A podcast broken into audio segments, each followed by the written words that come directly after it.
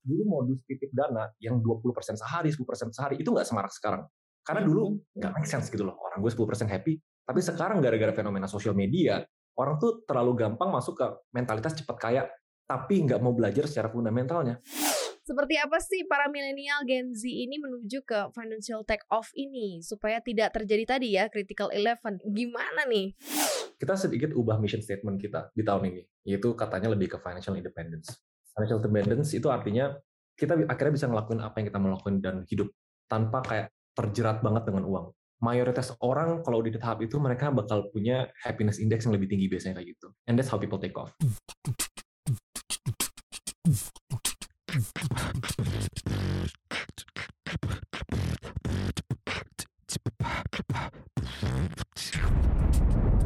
Cuap-cuap cuan.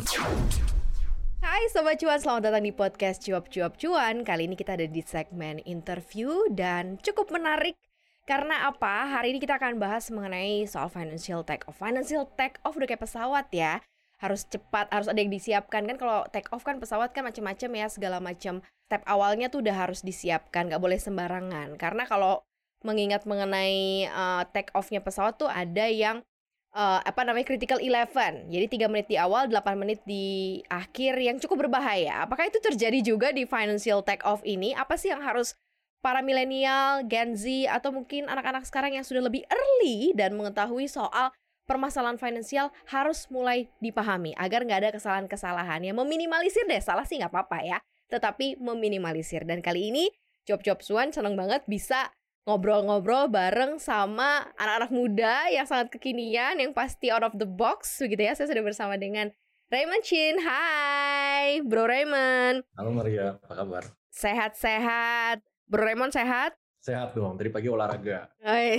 Jangan lupa ya karena di tengah Jadi kan sehat harus sehat dompet sama sehat badan kan ya? Eh bener-bener bener apalagi di tengah kondisi covid yang sedang melambung naik turun naik turun ini ya nggak jelas ini ya jadi harus olahraga. Nah seperti sobat cuan juga ketahui ya Raymond ini kan CEO dan juga co-foundernya ternak uang ya ternak uang uang diternak bisa. itu dia. Kebanyakan orang yang yang nanya ternak uang, kenapa namanya ternak uang? Heeh. Dan itu tuh sebenarnya random banget dari dua tahun lalu. Dari pertama dibangun kayak gimana caranya nih orang bisa uangnya menciptakan uang. Terus kita pikir ya udah apa yang paling simple ya untuk ngejelasin milenial Gen Z. Udah udah kayak peternakan gitu. Kayak jadinya uang kita itu jangan ditaruh di tempat tidur, gitu. jangan taruh di diam aja gitu. Jadi mereka harus berternak biar nanti ya kita lebih aman gitu pas kita udah pensiun dan lain-lain. Jadi asal usulnya itu sih berternak melalui investasi, melalui uh, kalau mau trading trading dan lain-lain gitu. Oke, sesimpel itu ya ternak. Padahal kalau peternakan hewan kan harus ada eh, gizi yang cukup untuk hewannya gitu ya. Apakah Hmm. ini juga terjadi di financial? Kalau eh, lo ngelihat kondisi saat ini nih anak-anak muda zaman sekarang, urusan finansial seperti apa sih yang lo perhatiin gitu ya selama jalanin ke ternak uang ini nih, bro? ada dua sih menurut gue ya. Uh, dua, dua tahun lalu kan pas tiba-tiba stock market lagi naik banget. Pas Mhm. semua milenial Gen Z masuk ke stock market kan. Jadi kalau misalnya ada percepatan dalam adopsi, misalnya cepet banget orang masuk investasi, masuk ke trading, biasa tuh ada plus minusnya. Plusnya marketnya ke akselerasi. Ya. Kita ngelihat perkembangan investor itu salah satu yang tercepat dua tahun lalu dibanding berapa puluh tahun lalu, jauh gitu. Tapi ya minusnya dengan kecepatan itu orang tuh nggak nggak benar-benar belajar secara dalam. Yang naik bukan cuma investor jago, tapi yang naik penipuan bodong, yang Mhm, naik mhm. ya kasus kemarin kan dan lain-lain sampai lagi rame kan belakangan ini NFT kripto. Yes. Orang cuma Hmm. ngelihat dari bagusnya karena, wih semua orang masuk ke NFT, tapi sebenarnya Yang kalau sakit nanti dirawatnya di kripto Mangunkusumo ya.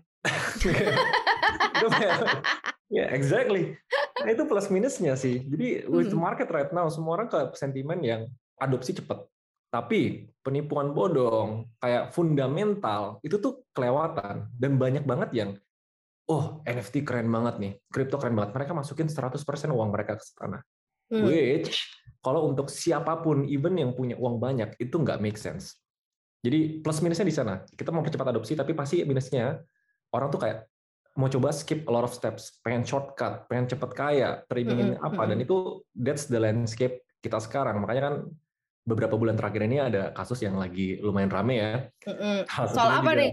Afiliator atau soal apa? Afiliator, NFT, Rakpul di Indonesia ada project juga Rakpul. Ya ya ya ya bawa ya kabur ya. ya. uang total berapa miliar kemarin ke hack dan Hmm. lain-lain itu Nah ini ini ini Ini lo lihat uh, karena fenomena apa? Karena memang anak-anak mudanya yang memang pengen cepet kaya dan gak mau belajar, atau memang karena uh, tuntutan nih? Kan istilahnya karena kan ada yang bilang ini nih, sekarang kan Hmm. susah nih cari kerja. Jadi harus pilih sesuatu yang memang benar-benar bisa uh, cepet dapat duitnya gitu. Nah, kadang-kadang uh, kedekatan sosial media terhadap anak-anak zaman sekarang yang justru tidak terlalu uh, mendidik dengan baik gitu sebenarnya yang gue lihat ya. Tapi lo lihatnya seperti apa? fenomena yang sebenarnya kalau itu dari dulu dari dulu semua orang masuk ke suatu industri market cepat gitu pasti ada ketinggalannya pasti ada fundamentalnya atau apa tapi menurut gue ya yang ngebedain Gen Z ini sama kayak kita ngomong konflik secara global kita ngomong apa pun itu Mm-mm. sekarang tuh sosial media itu meningkatkan semua yang bagus tapi meningkatkan semua yang jelek Ya. dan sosial media yang paling parah adalah sekarang kita tinggal di zaman investasi mau trading mau beli aset mau apa akhirnya apa membandingkan dengan orang lain itu salah satu fundamental aspek psikologi ya untuk milenial sama Gen Z yang Kadang nggak membandingkan juga bro. Abis terlihat gitu kan, wah gila gue pengen sekaya A. Oh apa di caranya gitu ikut gitu. itu dia Mhm. dulu bayangin deh dulu sebelum sosial media marak banget ya orang investasi dapat 10% tuh senang banget Mhm, dulu mhm. beli reksadana dapat 10% tuh senang banget tapi Mhm. sekarang rasanya wah kok nih orang bisa untung puluhan juta ratusan juta sehari Mhm. sampai dulu dulu modus titip dana yang 20% sehari 10% sehari itu nggak semarak sekarang karena dulu nggak make sense gitu loh orang gue 10% happy tapi sekarang gara-gara fenomena sosial media orang tuh terlalu gampang masuk ke mentalitas cepat kaya tapi nggak mau belajar secara fundamentalnya Hmm, hmm, hmm. masalahnya tuh emang harus kejar-kejaran sih dengan sosial media, dengan membandingkan diri, dengan percepatan adopsi, nggak catch up sama edukasinya. Edukasinya tuh selalu lagging dibanding percepatan adopsinya. Nah makanya hopefully itu kita bisa fill gap itu, gap percepatan adopsi sama edukasinya tuh kita mau coba fill. Berarti keresahan itu juga ya akhirnya membawa lo eh, membangun bersama dengan teman-teman ternak uang ini ya. Mm-mm, benar. Dan banyak banget orang yang pertama kali masuk ternak uang itu pertama kali DM. Kalau kita kan, uh, gua Timothy Valley itu content creator. Hmm. Setiap hari kita dapat puluhan bahkan ratusan DM. Mhm. Banyak banget yang masuk ke ternak uang itu karena Apa-apa isi DM-nya dong pengen tahu. macam-macam. Rata-rata apa rata-rata yang menjadi mungkin ini juga gambaran sebelum kita akhirnya nanti masuk ke kenapa kita harus financial take off nih. Yang paling sering, Mm-mm. kok gue mau mulai investasi, mau mulai dari mana gitu loh. Oh, oke. Itu paling sering. Karena problemnya, informasi saking banyaknya mereka bingung mau mulai dari mana. Itu bisa good and bad thing kan. Di. YouTube semua, tapi masalahnya gini, ada yang bilang A paling bagus, B paling bagus, C paling bagus, gue harus dengerin yang mana. Itu paling sering. Kedua, yang paling sering adalah, kok gue baru ketipu, gue rugi nih kemarin titip Oh dana my god. Ya. gue invest di NFT tabungan hidup gue harusnya dipakai buat uang kuliah tapi projectnya rakpul itu istilah NFT ya rakpul tuh projectnya orangnya kabur bawa kabur duitnya dan itu jadi kayak problem banget gitu karena kalau kebanyakan orang mau investasi di sebuah aset yang dipelajari menurut gue ya bukan asetnya dulu tapi fundamental money management dulu mindsetnya dulu karena with the right mindset nggak mungkin dong lo taruh tabungan hidup lu di aset yang nggak gitu proven yang Mm-mm. udah Mm-mm. orang tahu high risk Hmm. itu Hmm. contoh-contoh DM yang dalam setiap hari itu kita ngerasa gila sih. Uh, bagus, semua orang langsung melek investasi. Siapa sih 10 tahun lalu yang umur 18 tahun, 17 tahun mau investasi? Nggak kepikiran. Sekarang udah kepikiran. Tapi, Hmm. Ya itu, ada yang di jalannya benar, ada yang di jalannya salah. Hmm, Kalau sekarang presentasi yang lo lihat eh, selama berkembang dan jalanin ternak uang, presentasinya masih banyak yang salah atau yang udah mulai bener nih sekarang? In my opinion ya, uh, kalau dari data publik, dari data yang kita lihat dari pengguna ternak uang dan lain-lain, kebanyakan itu benar. Kebanyakan Oke. mulai ke arah yang benar. Tapi kan banyak uh, orang-orang yang nggak ke reach sosial media di bagian sisi baik. Sosial media pasti ada sisi baik, ada sisi buruknya. Hmm. Yang ini tuh nggak reach. Jadi kalau secara DM, kalau secara DM tuh lebih banyak orang sharing masalah mereka. Hmm. Harus ngapain, kok uh, lagi di PHK, gue harus ngapain, dan lain Kebanyakan Hmm. tuh di sana gitu. Nah jadi sekarang menurut gue ada di balance, cuma gimana cara kita naikin orang yang punya problem ini untuk pindahin ke yang lebih baik gitu. Hmm, oke. Seterbuka itukah mereka? Artinya eh, senang nih gue ketika ada sebuah aplikasi yang bisa dekat banget gitu ya dengan eh, para followersnya dan bisa membantu gitu. Nah, seterbuka apa sih eh, orang-orang ini yang mendm ternak uang atau yang terlibat dengan dari teman-teman di ternak uang bisa dibantu atau bisa di apa ya digiring untuk menjadi lebih baik. Tadinya mungkin baik, tersesat ataukah seperti apa tapi diarahkan gitu ya. Diarahkan. Nah, ini bahasa yang paling tepat Hmm, sih. diarahkan. Gimana, Bro? Uh, I think yang benar-benar ngebedain milenial Gen Z sekarang, mereka tuh sangat amat sosial. Hmm. Ada risetnya yang nunjukin bahwa 60% dari mereka membuat investment decision based on social. Mau itu Hmm. kata orang dari social media, bahkan banyak banget milenial Gen Z bikin keputusan investasi dari kata orang, kata influencer dibanding expertnya. Jadi itu, itu sebenarnya plus minus kan. Plusnya dengan sosial itu ngedorong orang buat lebih berani mulai. Oh karena ada teman ya udah deh mulai deh, mulai Mhm, deh gitu. Tapi itu akhirnya mendorong orang juga yang karena mereka tahu ini sosial, mereka menggunakan sosial itu untuk mengiming-iming ke investasi bodong. Dan itu banyak banget sampai sekarang. Gue tiap hari bisa di-invite ke grup Telegram yang menitip dana untuk eh, biaya kuliah kamu, untuk biaya pensiun kamu, untuk orang tua kamu. Mereka menjanjikan. Mhm, Terus kita mhm. titip dana dijamin profit segini. Karena mereka tahu itu sosial kan. Mereka cuma diiming-iming kayak gitu, terus ya udah coba aja gitu. Akhirnya hilang gitu. Nah, aspek sosial ini sebenarnya yang kita kita tahu ini eh, pedang bermata dua. Jadi ternak uang tuh mau coba fill the gap. Kita salah Ya. satu media pertama yang lebih transparan soal keuangan pribadi. Hmm. Kita lebih berani untuk share. Kalau misalnya ada orang DM, kita izin ke orang boleh nggak ini di share untuk jadi cerita untuk orang lain. Hmm. Kalau misalnya ada orang yang profit, kayak kemarin kita ngelakuin trade fest, ada satu ibu-ibu rumah tangga punya profit di saham 600%, kita bu kita minta izin jangan cuma share profit, kita jadiin konten ya, kita jadiin edukasi ya gitu. Hmm. Jadi part-part itu yang kita mulai majuin karena kita tahu sosial itu aspek penting. Jadi kita harus responsibel dengan keluaran edukasinya gitu. Mhm. Oke, ini yang bisa didapetin berarti ya di ternak uang. Nah, apa sih sebenarnya yang selain tadi mengarahkan eh, apa yang bisa teman-teman dapetin juga nih di eh, ternak uang? Artinya kan biasanya nih kalau misalnya jadi investor pemula masuk ke eh, salah satu sekuritas gitu ya. Hmm. Terus banyak banget nih sahamnya nggak ngerti mau masuk yang mana gitu kan. Diajak eh, join sih di Telegram ya sekarang ya lagi masanya Telegram Hmm. atau WhatsApp. Ada sih di situ eh, insight-insight gitu. Tapi kan nggak ngerti ya basicnya. Jadi cuman karena ada uangnya terus bingung mau diapain, mau beli saham, tapi nggak kenal juga. Nah ini seperti apa nih yang dilakukan oleh anak-anak muda di ternak uang nih untuk lebih mengajarkan bukan hanya mau investasi tapi melek sama investasinya. Kemarin tuh eh, kita kan baru announce eh, tutup investment dengan Pak Patrick Walio. Mm-mm. Uh, salah satu kata-katanya juga mereka percaya bahwa pendorongan akselerasi milenial Gen Z ke investasi itu banyak yang uh, loss gitu loh. Mhm, mhm, Tapi ternak uang di sini kita mau coba fill the gap secara end to end. mhm. Jadi kalau misalnya di, di deskripsi ternak uang adalah edtech. Kita platform edukasi dan media untuk fit- literasi finansial. Oke. Jadi mulai dari orang yang biasa orang pertama kali ketemu kita di Instagram. Konten Instagram kita kita desain sesimpel mungkin, segampang dicerna mungkin, tapi selalu ada unsur edukasinya. Selalu ngasih tahu tentang fundamentalnya, tentang money management yang benar, tentang case-case-nya. Biasanya kalau di udah tahap itu, mereka lihat-lihat ternak uang ada offer apa. Karena kita tahu banyak banget informasi yang beredar dan itu terlalu scattered. Ada yang bahas apa, bahas apa. Nah, kita uh, di lead sama co-founder kita satu lagi namanya Felicia Putri Ciasaka. Dia punya gelar CFA level 3. Dan kan cuma ada berapa ratus orang di Indonesia yang punya gelar itu. Akhirnya kombinasi itu plus dia seorang content creator, dia bikin kurikulum yang benar-benar simple dan gampang diikuti buat orang yang dari nol nggak ngerti sama sekali. Mhm. Modul kita tuh mulai dari money management, cara pelunasan hutang, cara pemilihan asuransi yang tepat. Jadi nggak benar-benar cuma investasi. Mhm, Tapi setelah mereka mengerti fundamentalnya, terus misalnya mereka terajak untuk investasi saham, mhm, kita tuh ada divisi riset. Kita ada divisi riset. Kalau misalnya ngelihat report-report dari sekuritas, itu kan kompleks, banyak Ya. gitu. Bahkan Ya. banyak yang ngasih uh, tarif dimengerti. Nah, kita Hmm. bikin itu sangat mudah dimengerti untuk milenial sama Gen Z. Jadi Hmm. seandainya mereka mau mulai investasi, kita ada divisi riset untuk ngekolase semua informasi di market dan bikin easy to understand. Mulai dari news, mulai dari Hmm. report, mulai dari watch list, dan itu kita bikin sifatnya subscription. Karena kita butuh, uh, kita tahu informasi investasi atau uh, finansial itu nggak mungkin cuma sekali belajar terus berhenti. Nggak ada gitu. Makanya kita bikin modelnya adalah kayak langganan OTT misalnya langganan Netflix tapi untuk belajar uang dan investasi gitu. Kira-kira kayak gitu sih end to end sampai mereka bisa punya keputusan untuk investasi itu lengkap ada di kita gitu. Oh, komplit ya. Nah, sejauh ini eh, partisipannya seperti apa nih? Contohnya kemarin pas kita bikin event itu kita kayaknya salah satu uh, brand finance untuk di di Milan sama Gen Z yang bisa bikin event di Zoom total 7.000 orang.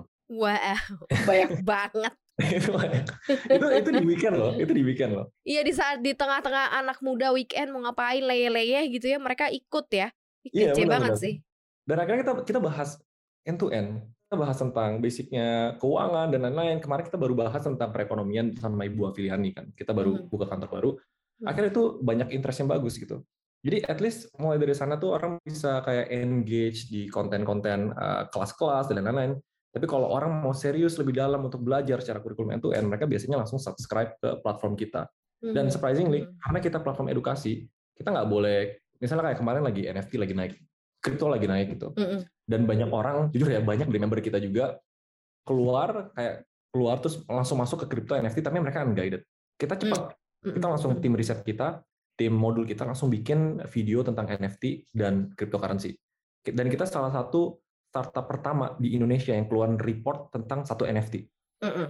Itu reportnya lumayan well made, berapa halaman untuk ngejelasin apa project ini gitu. Dan itu kita salah satu yang pertama. Jadi sebenarnya misi dari awal sampai akhir tuh kita mau ngedemokratisasi informasi finance yang susah, yang biasanya orang pikir kompleks, tapi gampang buat milenial sama Gen Z, biar mereka nggak terjebak sama ya misalnya proyek-proyek rakpul dengan investasi bodong. At the end kita banyak, eh, kalau ngomong testimoni, banyak yang mulai dari nol, akhirnya bisa belajar sama kita, akhirnya bisa cuan di saham, akhirnya benerin hutangnya, akhirnya berinvestasi, dan lain-lain. Dan itu sih, at the end, itu yang bikin kita ngerasa, wah kita ngelakuin sesuatu yang actually dibutuhkan oleh masyarakat. Gitu. Itu sih yang paling penting ya. eh, bisa menemukan goal apa sih yang dicari nih. Kalau misalnya kesalahan apa kesalahan terhadap finansial sebelumnya, misalnya punya utang, ya lo masuk ke dalam apa arah yang bener, goal untuk membereskannya itu bisa terjadi gitu. Nggak cuman Hmm. ngomong doang gitu kan, tetapi ada uh, aplikasi yang jelas. Nah, kalau lo ngelihat ke depannya seperti apa sih, uh, bro? Artinya kan berarti uh, ternak uang ini pasti punya gambaran wah ke depan nanti akan ada lagi trennya gini, trennya gitu, trennya apa-apa. Nah, seperti apa uh, ternak uang hadir di sana untuk bisa memberikan informasi-informasi tanpa berat sebelah gitu kan? Karena kan kalau di media sosial nih banyak kan, ada yang pro kripto banget, mungkin ada yang pro saham banget, jadi yang lain-lain nggak mau dilihat gitu ya. Tapi karena ini platform edukasi, gimana nih caranya nih supaya ngerti, tapi eh, bukan cuma ngerti, tapi nggak salah ngambil keputusan gitu. Oh iya, gue paham paham, tapi tetap aja kan banyak juga yang tetap aja kecemplung-cemplung juga salah-salah juga kan bro. Gimana tuh? Itu jawabannya lumayan bosen ya kalau kita ya. Jawaban bosennya adalah, investasi yang terbaik apa? Tergantung masing-masing. Bener-bener bener. kayak beli saham tergantung masing-masing gitu. tapi tapi gini, uh, kebanyakan orang tuh nggak kita ngebikin konten dan edukasi yang bikin orang bisa make their own decision. Contohnya, uh, kita tuh nggak bakal berhenti inovasi where the money goes. Di mana uang milenial dan Gen Z ini mereka spend atau gimana? Misalnya kemarin pas lagi rame banget bahas tentang kita nation aja langsung binary option. Yes. Dan salah satunya Hmm. gue langsung diundang di dua podcast. Gimana caranya bahas skemanya, bahas resikonya, gimana caranya gitu. Tapi at the same time, uh, gue nggak langsung kayak garis kanan, enggak, jangan. Atau misalnya boleh dicoba atau gimana dan lain-lain. Semua informasi itu harus di deliver secara responsible. Mm. Karena at the end, keputusan orang kan dengan uangnya itu keputusan mereka masing-masing. Dan gimana caranya kita make power itu ada di tangan mereka dengan cara setiap kita bikin modul, setiap kita bikin kurikulum, itu benar-benar carefully written. Karena kita nggak mau ngebias ke satu, karena banyak yang suka investasi kripto. Karena cepat gitu kan. Hmm. Tapi banyak yang nggak suka juga.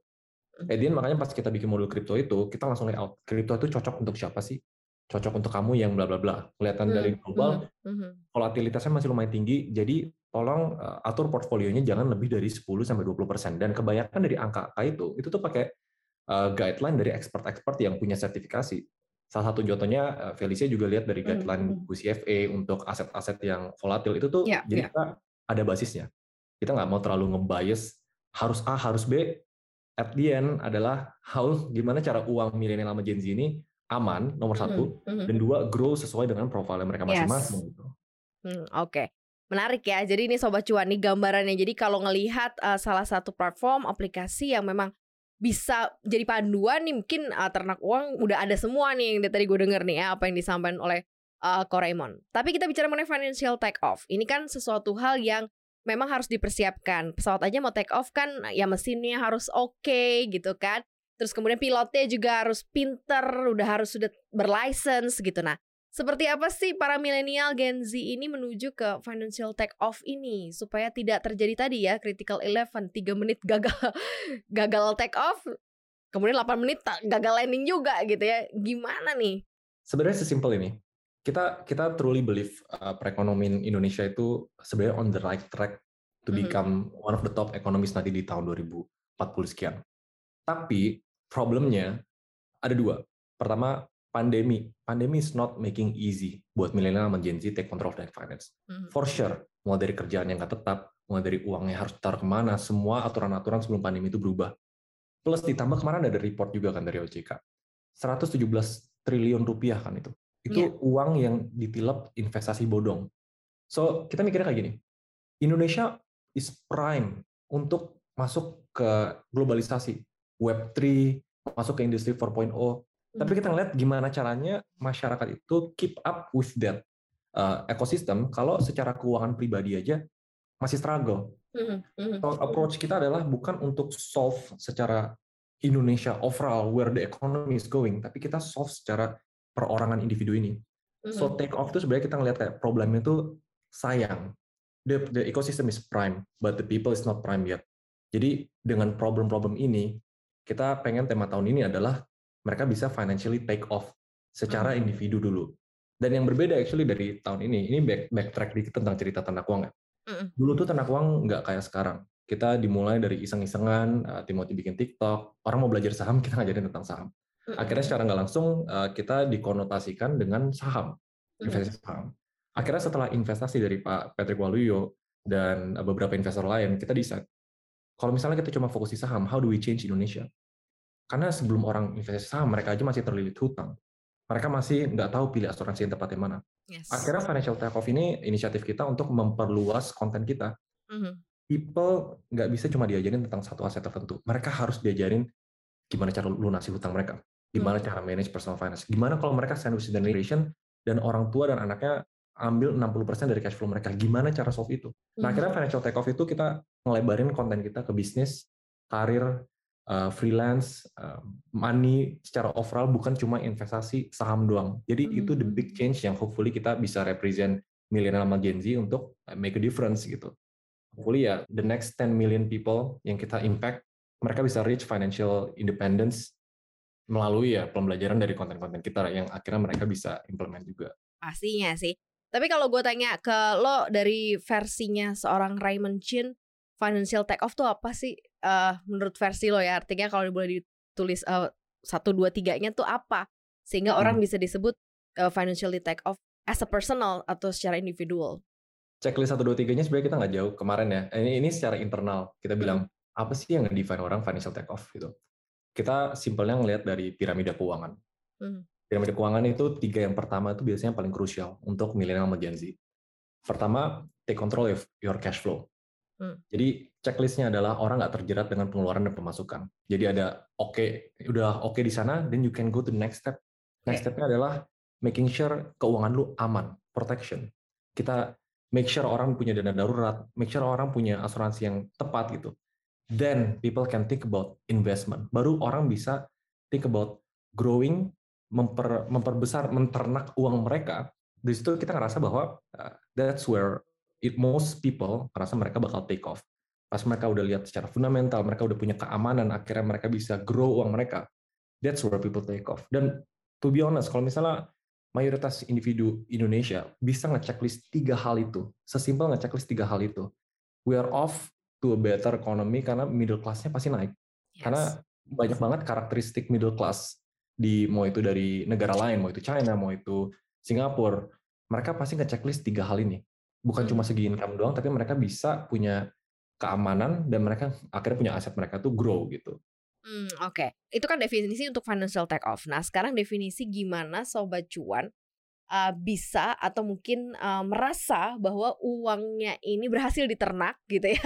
Step awalnya gimana dan uh, sampai akhirnya kita ngerasa bahwa oh uh, gue berhasil nih uang gue bisa diternak karena beda-beda ya. Ada orang yang mungkin bisa melakukan ternak uangnya di saham. Ada yang mungkin Hmm. menurut gue cukup deh reksadana mungkin ya ada yang mungkin ngerasa bahwa gue tuh terlalu konservatif jadi nabung aja atau beli emas aja misalnya nah ini gimana nih ya supaya uh, yang dengar kita milenial Gen Z sobat cuan ini tahu bahwa oh gini toh cara konsepnya sehingga lo bisa merasa bahwa uang lo ini diternak dengan baik gitu ya atau beternak dengan baik gimana nih bro Oh ini nih, oh, mungkin ada satu kata yang buat ngejelasin financial take off lebih gampang. Mhm. Kita sedikit ubah mission statement kita di tahun ini, yaitu katanya lebih ke financial independence. yes Financial independence itu artinya kita akhirnya bisa ngelakuin apa yang kita mau lakuin dan hidup tanpa kayak terjerat banget dengan uang. Mayoritas orang kalau di tahap itu mereka bakal punya happiness index yang lebih tinggi biasanya kayak gitu. And that's how people take off. Dan untuk mayoritas orang, mayoritas orang yang misalnya kita mulai dari yang minus dulu posisinya bukan dari nol.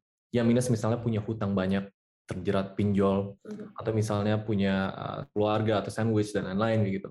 Itu tuh kita harus solve dulu step by stepnya tuh at the end jawabannya pasti bosen. Itu memperbaiki keuangan mereka secara strategis dulu sebelum dipikirin uangnya mau beternak di mana. Okay. Because nggak responsible buat kita berharap uang kita berternak kalau uang kita tuh masih umpamanya nyangkut di tempat lain. Jadi kebanyakan dari kita uh, kalau di komunitas kita tuh ada yang nanya, uh, saya pekerja UMR misalnya punya gaji segini, apakah invest 50% dari gaji di saham itu baik atau enggak gitu. Mm. Itu pertanyaan common banget di komunitas mm kita. Mm. Tapi yang kita lakuin itu bukan langsung, oh iya bagus kalau misalnya begini gitu. Tapi kita tanya, sekarang situasinya punya, punya tanggungan nggak? Punya hutang nggak? How how are you managing your lifestyle? Mm-hmm. At the end, walaupun orang nggak suka jawaban itu, itu jawabannya akhirnya bakal bikin mereka lebih one step closer to financial independence. Buat apa investasi sahamnya banyak gitu misalnya. Misalnya, tapi itu itu di fuel dengan hutang. Surprisingly mm. banyak orang mulai investasi, duit investasinya dari hutang. Ya, yeah, yeah. Which itu kita anti banget. Jadi end balik lagi ke kita mau bantu keuangan personal dulu sebelum kita ngomong investasi actually. Yes, setuju banget, setuju banget. Jadi memang ini ya eh, nggak uh, sesimpel itu, semuanya butuh proses ya, sobat cuan ya. Jadi jangan terlalu terburu-buru pengen dapet cuannya tapi nggak mau belajarnya. Nah, mungkin ada pesan bro buat uh, yang dengerin kita, yang nonton kita nih dari ternak uang atau bersama dengan ternak uang untuk menuju ke financial take off gimana nih? Silakan Bro Ramon pesannya apa ya? Eh, kita tuh really believe ya, financial independence is a really good word for us. Financial independence. Sebelum kita, karena kalau misalnya kita ngomong financial freedom, itu kayak kebanyak untuk kebanyakan orang apa sih financial freedom kayak terlalu ngawang gitu gue pengen gue pengen hmm. liburan pengen apa gitu dari passive income itu tapi financial independence itu harusnya lebih attainable buat mayoritas orang dan to reach that ya intinya kita mulai dengan mindset yang benar so, hmm. so walaupun ada yang menjanjikan misalnya uh cepet kaya dari sini. Oh, uh, bisa dari NFT dapat puluhan juta, ratusan juta dari kripto bisa sehari naik ratusan persen gitu. Mm -hmm. Gue actually punya quote yang gue sebut juga di eh, salah satu podcast yang terkenal. Dibilang, gue bilang daripada incer cepet kaya, mendingan incer kaya pasti.